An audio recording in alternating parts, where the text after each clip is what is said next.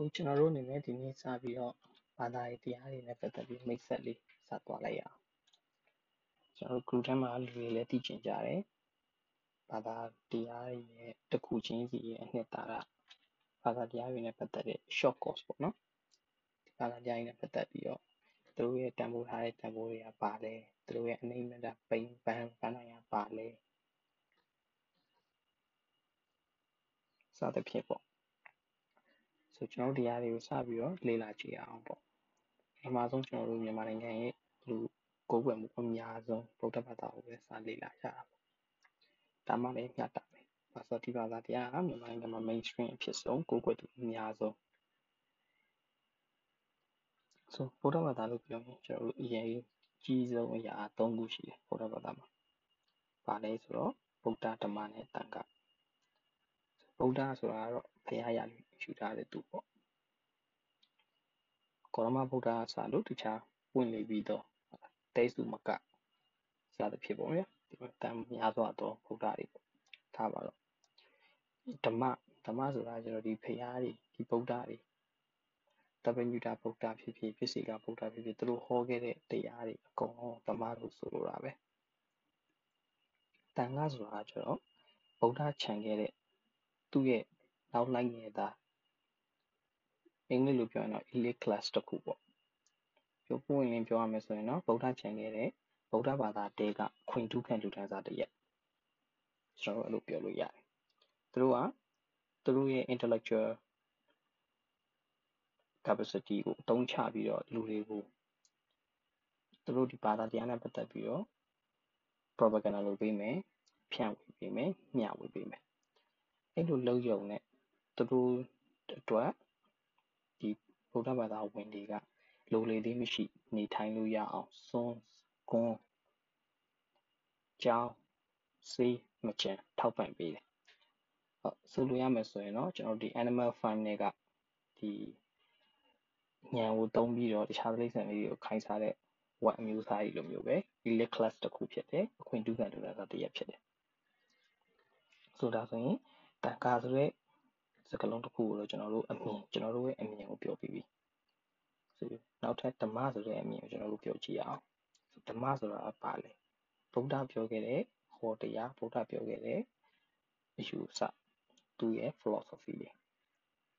ဆိုတော့လို့ဆိုရင်သူ့ရဲ့ဓမ္မကပါလေသူဓမ္မမှာတော့ရှင်းတယ်ကုသိုလ်ရှိမယ်အကုသိုလ်ရှိမယ်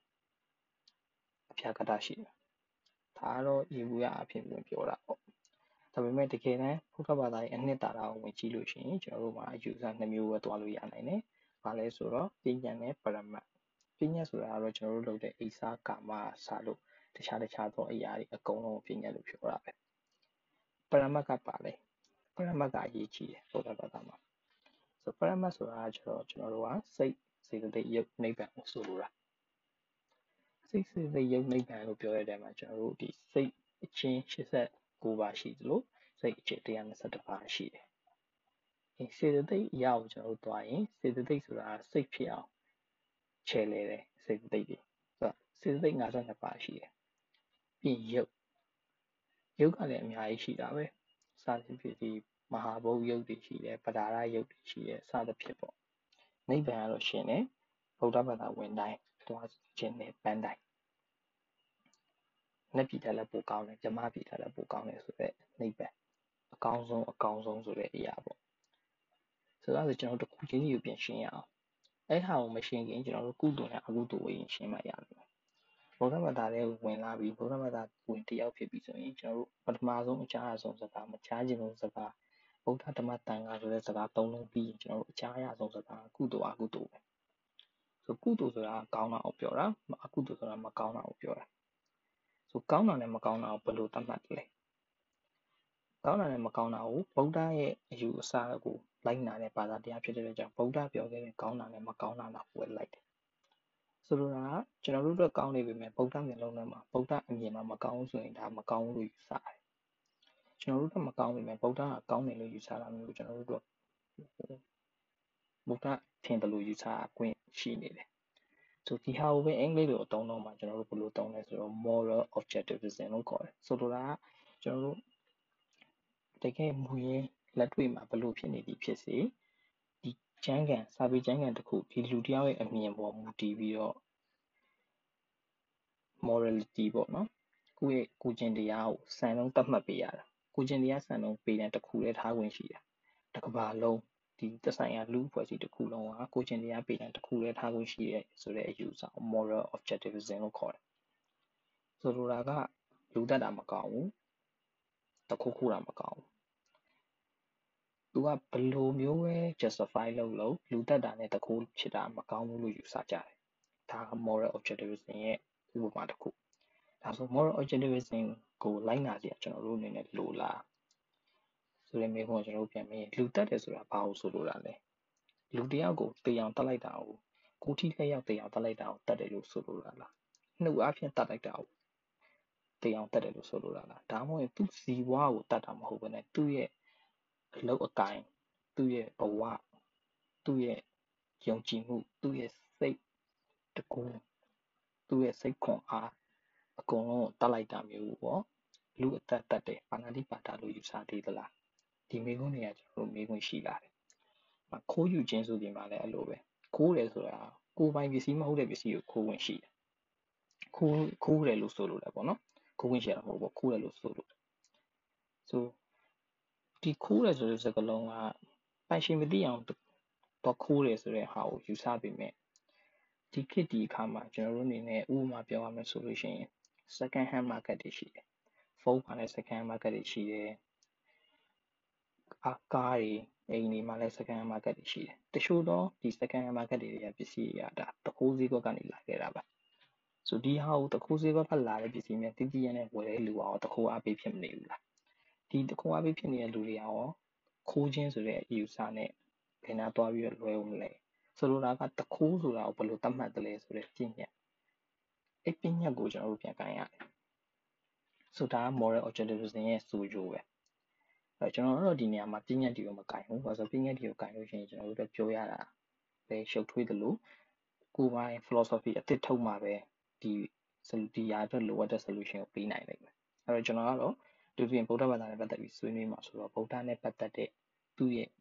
ပြညတ်တရားကိုပဲကျွန်တော်ဆွေးနွေးသွားမယ်ဆိုထားပါလေကျွန်တော်စိတ်ကြောင်းဆွေးနွေးရအောင်ဆိုစိတ်အချင်း89ပါရှိတယ်စိတ်จิต120ပါရှိတယ်ဒါအဘိဓမ္မာအခြေခံဆိုအဘိဓမ္မာအရာ ဒီစိတ်အချင်း89ပါထဲမှာကျွန်တော်တို့ခွဲလိုက်လို့ရှိရင်စိတ်က3မျိုးပဲပြန်ထွက်တယ်ကာမစိတ်ထွက်တယ်ပြီးရင်ကျွန်တော်တို့ဇန်စိတ်ပေါ့နော်ယူပနဲ့အာယူပစိတ်အဲ့ဒါကိုကျွန်တော်တို့ကဘယ်လိုခေါ်လဲဆိုမဟုတ်ကုမဟုတ်ကုစိတ်လို့ခေါ်တယ်ဆိုအဲ့တော့ကျွန်တော်ကာမဝကာမစိတ်ရှိမယ်မဟုတ်ကုစိတ်ရှိမယ်ပြီးရင်အဲ့နှစ်ခုကလောကီစိတ်ဆိုလိုတာကျွန်တော်အိဆာကာမအစလို့တခြားတခြားသောလောကမှာလုပ်တဲ့အလုပ်တွေနဲ့ရှင်တွဲတဲ့စိတ်နောက်ဆုံးတစ်ခုကတော့လောကုတ္တရာစိတ်လောကုတ္တရာဆိုတာမတ်ဖို့နိဗ္ဗာန်နဲ့ နီးစပ်တဲ့စိတ်တွေကိုပြောတာပေါ့နော်အဲ့တော့ဒါကအပေါ်ကစိတ်တွေနဲ့လည်းရှင်တွဲပြီးဖြစ်နိုင်တယ်လို့သူကလည်းသူလည်းဝေပြီးတော့လည်းဖြစ်နိုင်တယ်သူထားပါတော့ကာမစိတ်မှာကျွန်တော်တို့ကာမစိတ်54ပါးမှာကျွန်တော်တို့ပြန်ခွဲရင်တော့ဘာဖြစ်လာလဲဆိုတော့အာဟုတုစိတ်နဲ့ဟိတ်စိတ်နဲ့ကာမဝဆနာစိတ်နဲ့ဆိုပြီးခွဲတယ်။အာဟုတုစိတ်ဆိုတာရှင်းပါတယ်အာဟုတုဆိုတဲ့စကားလုံးကမကောင်းတာစိုးကျိုးမကောင်းသောလုပ်ရက်နှိမ့်ကြသောလုပ်ရက်ဒါကိုဆိုလိုတာ ဆိုအဲ့အာဟုတုစိတ်ကမှပါရရှိတယ်လောဘစိတ်ရှိတယ်ဒေါသစိတ်ရှိတယ်မောဟစိတ်ရှိတယ်ဆိုဒီဟာကျွန်တော်ရေပူရအဖြစ်ပြောတာပေါ့ဆိုလိုတာလောဘဒေါသမောဟဖြစ်ရင်အာဟုတုဖြစ်မယ်ဒါဗုဒ္ဓရဲ့အယူဆပြီးအဟိတ်စိတ်အဟိတ်စိတ်ဆိုတာနှိမ့်ကြတဲ့စိတ်ကိုပြောတာအဟိတ်စိတ်က18ပါးရှိတယ်အဲ့ဒီမှာအကုသလဝိပတ်ရှိတယ်အဟိတ်ကုသလဝိပတ်ရှိတယ်အဟိတ်ကရိယာရှိတယ်ဆိုဒီစိတ်တွေဖြစ်ပြီဆိုရင်ဒီလိုကအဟိတ် ဆိုတာနှိမ့်ကြတဲ့စိတ်ဖြစ်တယ်လို့ဆိုလိုတယ်ကျွန်တော်ပြီးရင်ဒီတဲမှာရှိတဲ့ detail ကိုကျွန်တော်ပြောပြဆွေးနွေးပေးမယ်ဒီ RH ဆိုတာဘာတွေလဲတခုချင်းစီကပါလဲဆိုတော့ကျွန်တော်ဆွေးနွေးပေးမယ်ပြီးလို့ရှိရင်ကျွန်တော်ကာမဝါစာတောပနာစိတ်ဆိုတာရှိတယ်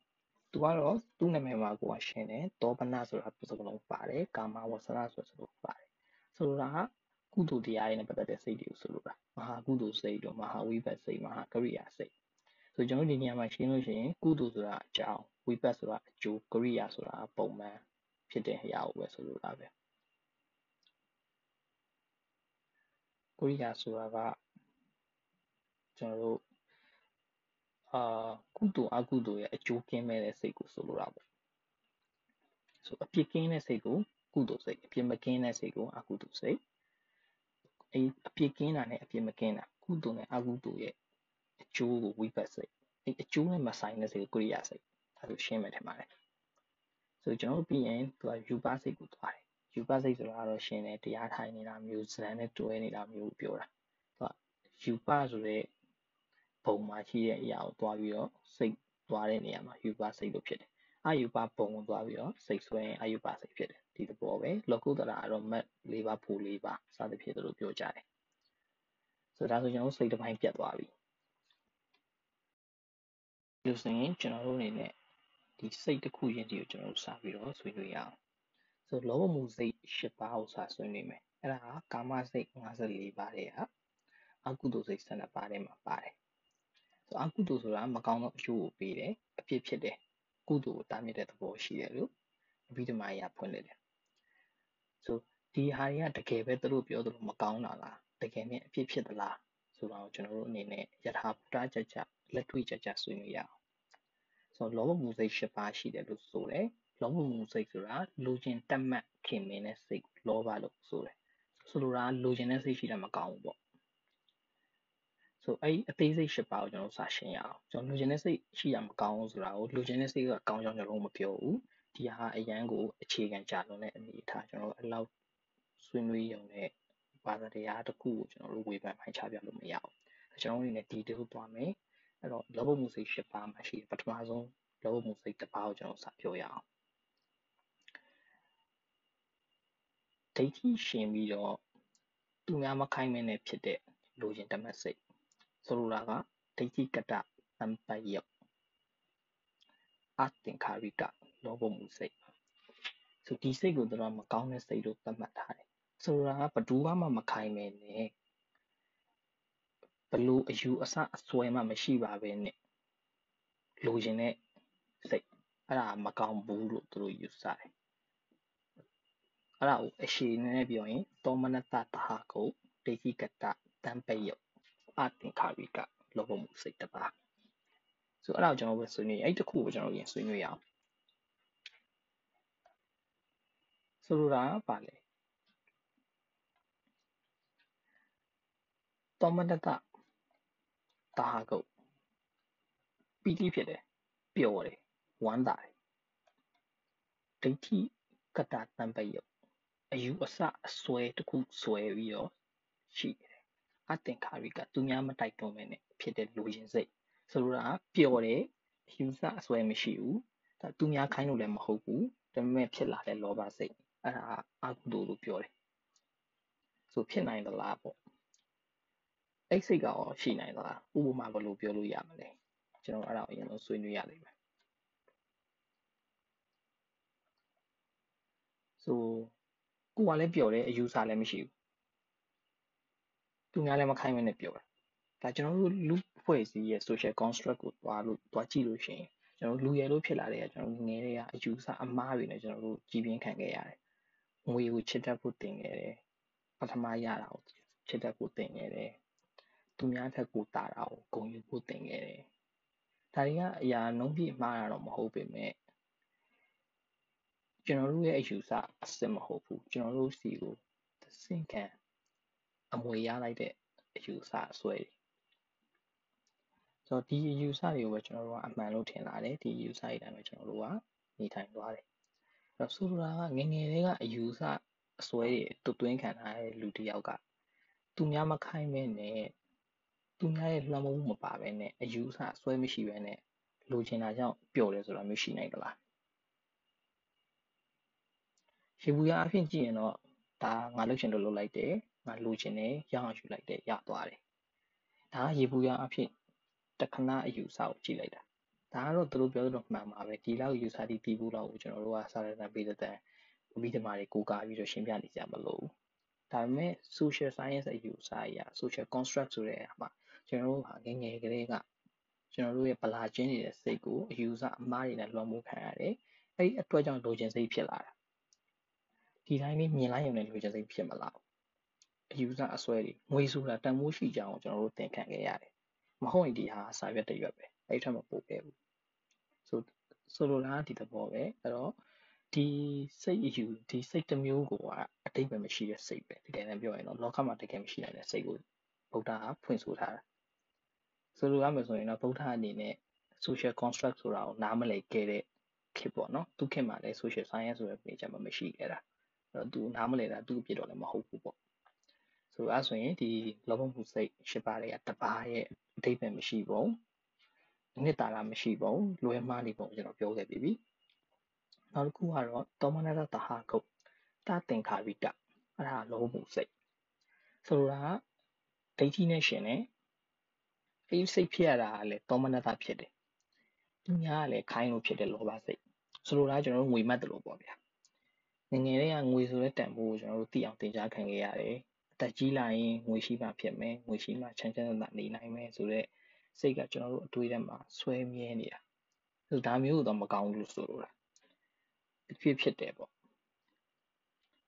ဆိုငွေမှတ်တိုင်းဖြစ်ဖြစ်သလားဆိုတဲ့မေးခွန်းကရှိလာပြန်ရောအဲ့တော့ ငွေမှတ်ရင်ဖြစ်ဖြစ်တယ်ဆိုရင်ငွေမမှတ်ရင်အဖြစ်မဖြစ်ဘူးပေါ့ဆိုဒီလိုဖြစ်လာမှာဆိုဒီဟာတော့ကျွန်တော်အနေနဲ့တော့ငွေမှတ်ရင်အဖြစ်ဖြစ်တယ်လို့အယူဆ100%တော့ကျွန်တော်မယူဘူး relativism လို့ခေါ်မယ် moral moral relativism လို့ခေါ်တယ်အခြေအနေအကြောင်းအကြောင်းအရာ moral subjectivism နဲ့တပေါင်းပါပေါ့နော်ကိုယ်ပုံမူတည်ပြီးတော့ကောင်းတာလည်းဖြစ်နိုင်တယ်မကောင်းတာလည်းဖြစ်နိုင်တယ်ငွေရောက်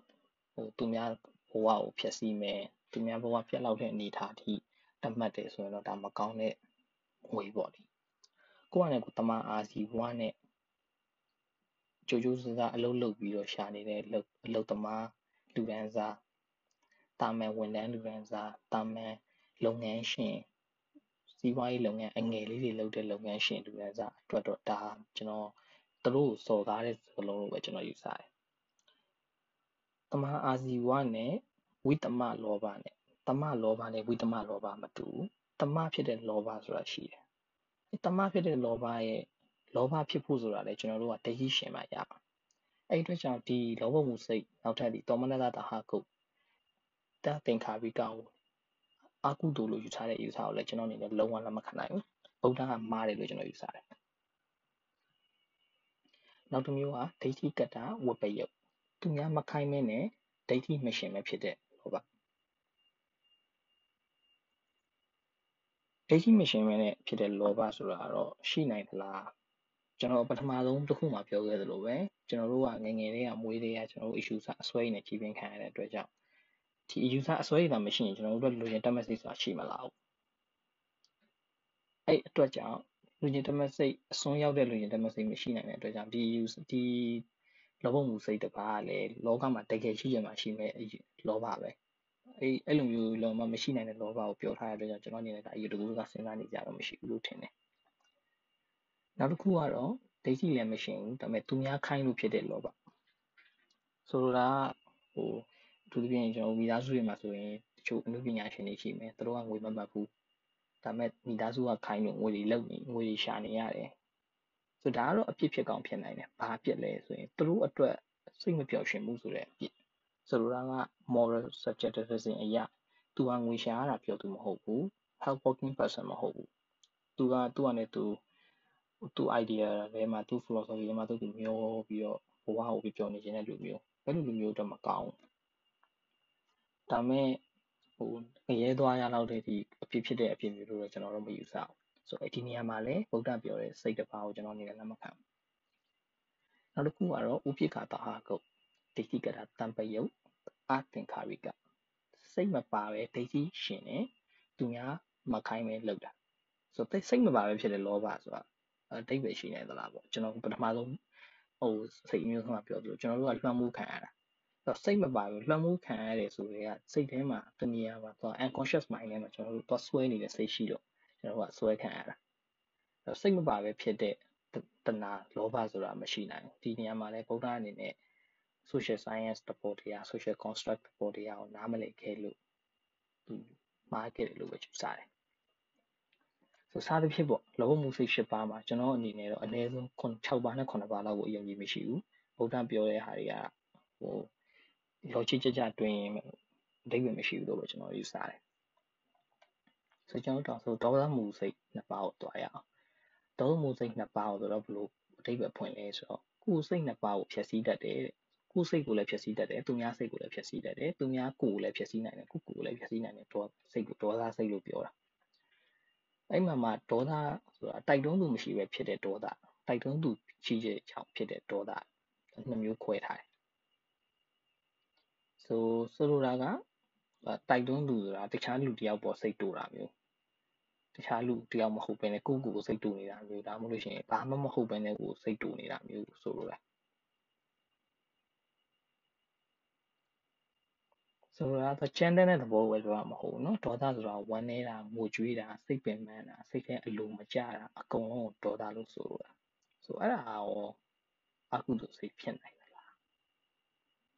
စိတ်အလိုမကျတာဆိုတာက ဘယ်လိုပြောရမလဲကိုယ်အရှိမဆောက်ကွယ်လုံနေတော့စိတ်တော်ပါပဲဒါကတော့ရှင်းပါတယ်ဒီထဲမှာဥပမာဗုဒ္ဓရှေ့မှာသွားပြီးတော့ရဟန်းတစ်ပါးသွားပြီးတော့ကခုန်ပျော်ပါးပြီးတော့ disco club နဲ့ကနေရင်လည်းဗုဒ္ဓလည်းစိတ်ဆင်းရဲရဲမှာပဲဒီသဘောပေါ့နော်အဲ့ဒီအတွက်ကြောင့်သူကအကုသိုလ်စိတ်ဖြစ်လာဆိုတော့ဗုဒ္ဓကတော့ကံမဖြစ်တော့ဘူးကုသိုလ်မဖြစ်တော့ဘူးပေါ့နော်သူကတော့ဝိပတ် အနေထားရောက်ပြီးလို့ဆိုတာပေါ့ဒါပေမဲ့လည်းဒီဟာကတော့ like ကျွန်တော်တို့ neutral ပဲဒီဒေါသမှုစိတ်နဲ့ပတ်သက်ရင်တော့ဒေါသကတော့မကောင်းဒါတော့လက်ခံစရာပါပဲကိုဟိုသူများမပူလောင်ဘူးကိုကိုအရင်ပူလောင်တယ်ပေါ့နော်ဒီဒေါသမှုစိတ်နှစ်ပါးနဲ့ပတ်သက်ပြီးကျွန်တော်တို့သိဆွေးနွေးကြတာမရှိဘူးပုံမှန်ပဲဟို like he made a point ပေါ့နော်ဆိုမောဟမှုစိတ်နှစ်ပါးကိုသွားကြည့်မယ်ဆိုရင်ဝီစီကိစ္စဝီစီကိစ္စဆိုတာဘာလဲဆိုတော့ယုံမားတန်ရာဖြစ်တာကိုပြောတာ ဆိုတော့အဲ့မှာပြဿနာရှိတယ်ယုံမားတန်ရာဆိုတာဘာလဲဆိုတော့ကျွန်တော်ရှင်းရမှာဥပမာဝစီကိစ္စကိုမွတ်စလင်ယူဆရပြောရင်တပါးဒီတော့အရှင်အလာနဲ့နောက်ဆုံးတမန်တော်မြတ်ကိုမယုံကြည်တာပေါ့နော်အဲ့ဒါကိုဝစီကိစ္စလို့ဖွင့်ပါပဲသူတို့အတိတ်ပဲအရာဗုဒ္ဓအတိတ်ပဲရတယ်ယတနာသုံးပါးနဲ့ကံတရားကိုမယုံရင်ဝစီကိစ္စလို့ပြောတာပဲခရစ်ယာန်ရလည်းပြောမှာပဲမင်းတို့ဂျီဆတ်ကိုမယုံရင်ဝစီကိစ္စလို့ပြောမှာပဲ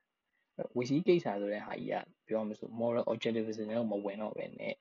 ဟို subjectivism နဲ့ဝင်သွားပြီကိုဘာကိုယူဆလဲဆိုတဲ့ပုံမူတည်ပြီးယုံမှန်းတန်နေရဆိုတာဖြစ်တာပဲအဲ့ဒါကိုသူကအကုသိုလ်စိတ်နဲ့ထည့်ထားရဆိုတာကတော့ဝါဒဖြန့်တဲ့အခါမှာလွယ်ကူအောင်လူတွေအနေနဲ့သူ့အယူအဆအပေါ်ကိုဝေဖန်ပိုင်းခြားမှုမရှိအောင်အကြောက်တရားတစ်ခုရိုက်ထည့်ပေးထားလို့ပဲကျွန်တော်တို့မြင်တယ်ပြီးဥဒိစ္စစိတ်ပြန့်လွင့်တယ် စိတ်ပြန့်လွင့်တယ်ဆိုတာတော့ဒါရှင်းပါတယ်စိတ်နဲ့ကိုယ်နဲ့မကတ်တာဟိုစိတ်ထဲမှာတစ်ခုခုလေးပင်နေတာမျိုးအဆရှိတဲ့ဖြစ်ပေါ့လေဒါတော့တစ်ခါတလေလည်းကောင်းတတ်ပါတယ်တစ်ခါတလေလည်းမကောင်းဘူးပေါ့အဲတော့ဒီစိတ်ကကောင်းလို့ပဲဒီမှာလူတည်းကိုယ့်အတွက်ကောင်းတယ်ပေါ့ဗုဒ္ဓကတော့ကိုယ့်အတွက်မကောင်းပြောတယ်ဒါပေမဲ့ကိုယ့်အတွက်တော့ကိုကောင်းကောင်းတယ်ပါပဲဘယ်ကောင်းတဲ့လူတွေကပဲဒီမှာဆေးတုံးပြီးတော့လေးပေါ်ပြန်နေရလည်းဖြစ်ဖြစ်နေတာပဲတင်ပါဆိုလိုတာဆိုတာမျိုးပေါ့အဲ့ဒီမဟုတ်မှုစိတ်နှစ်ပါးမှာတစ်ပါးကိုတော့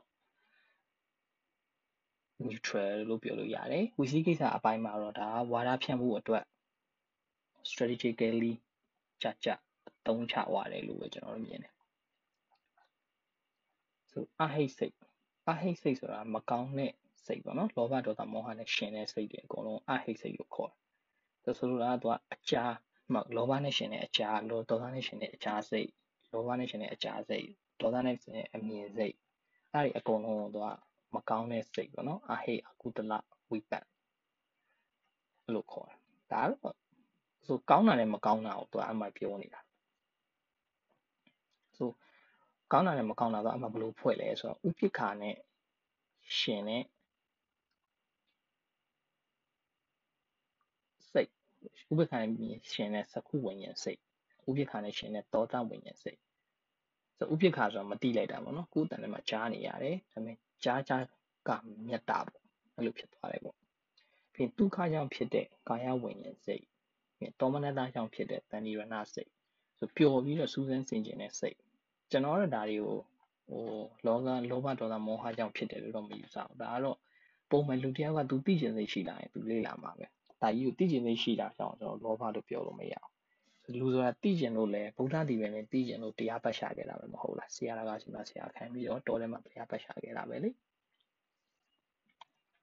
ဒီသဘောပေါ့အဲဒါကကျွန်တော်အမီးပေးတာပေါ့နော်အဲ့တော့ပြောမှဆိုရင်တော့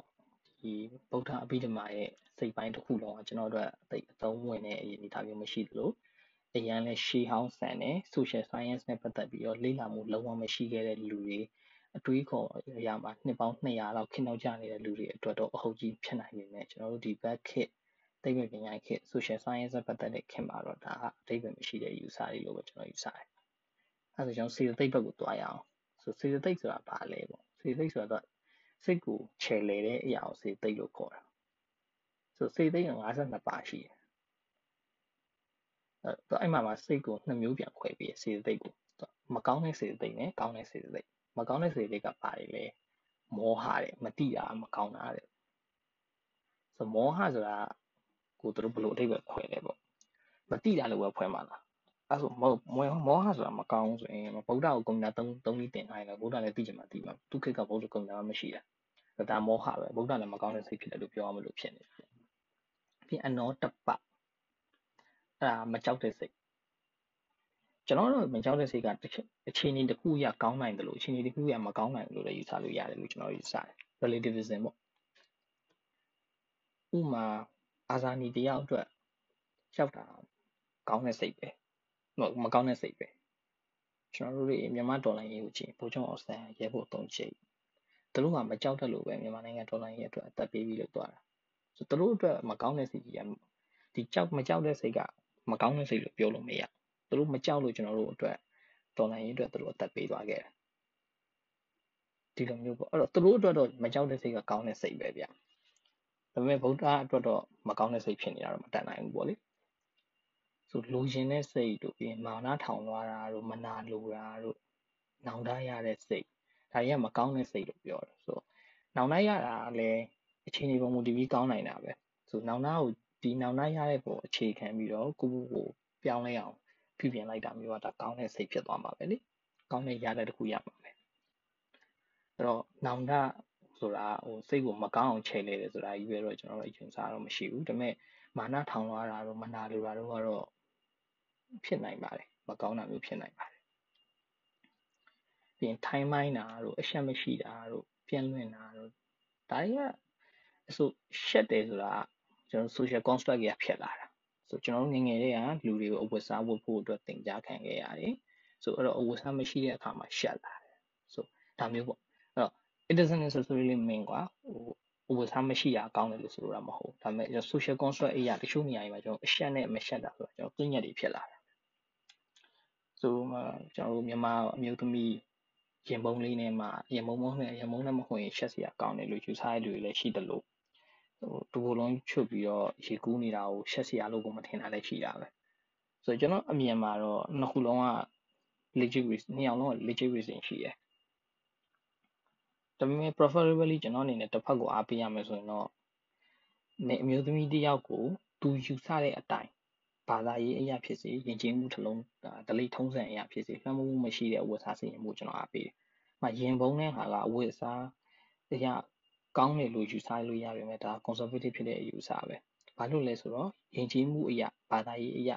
လွှမ်းမိုးထားတဲ့စိတ်ရှိနေလို့ဆိုလိုတာဒီ main ကလေးရဲ့ decision သူ့ body သူ့ choice လို့ပြောနေတဲ့ decision ရဲ့နောက်ွယ်မှာသူ့ကိုလွှမ်းမိုးထားတဲ့အမြင်ရတဲ့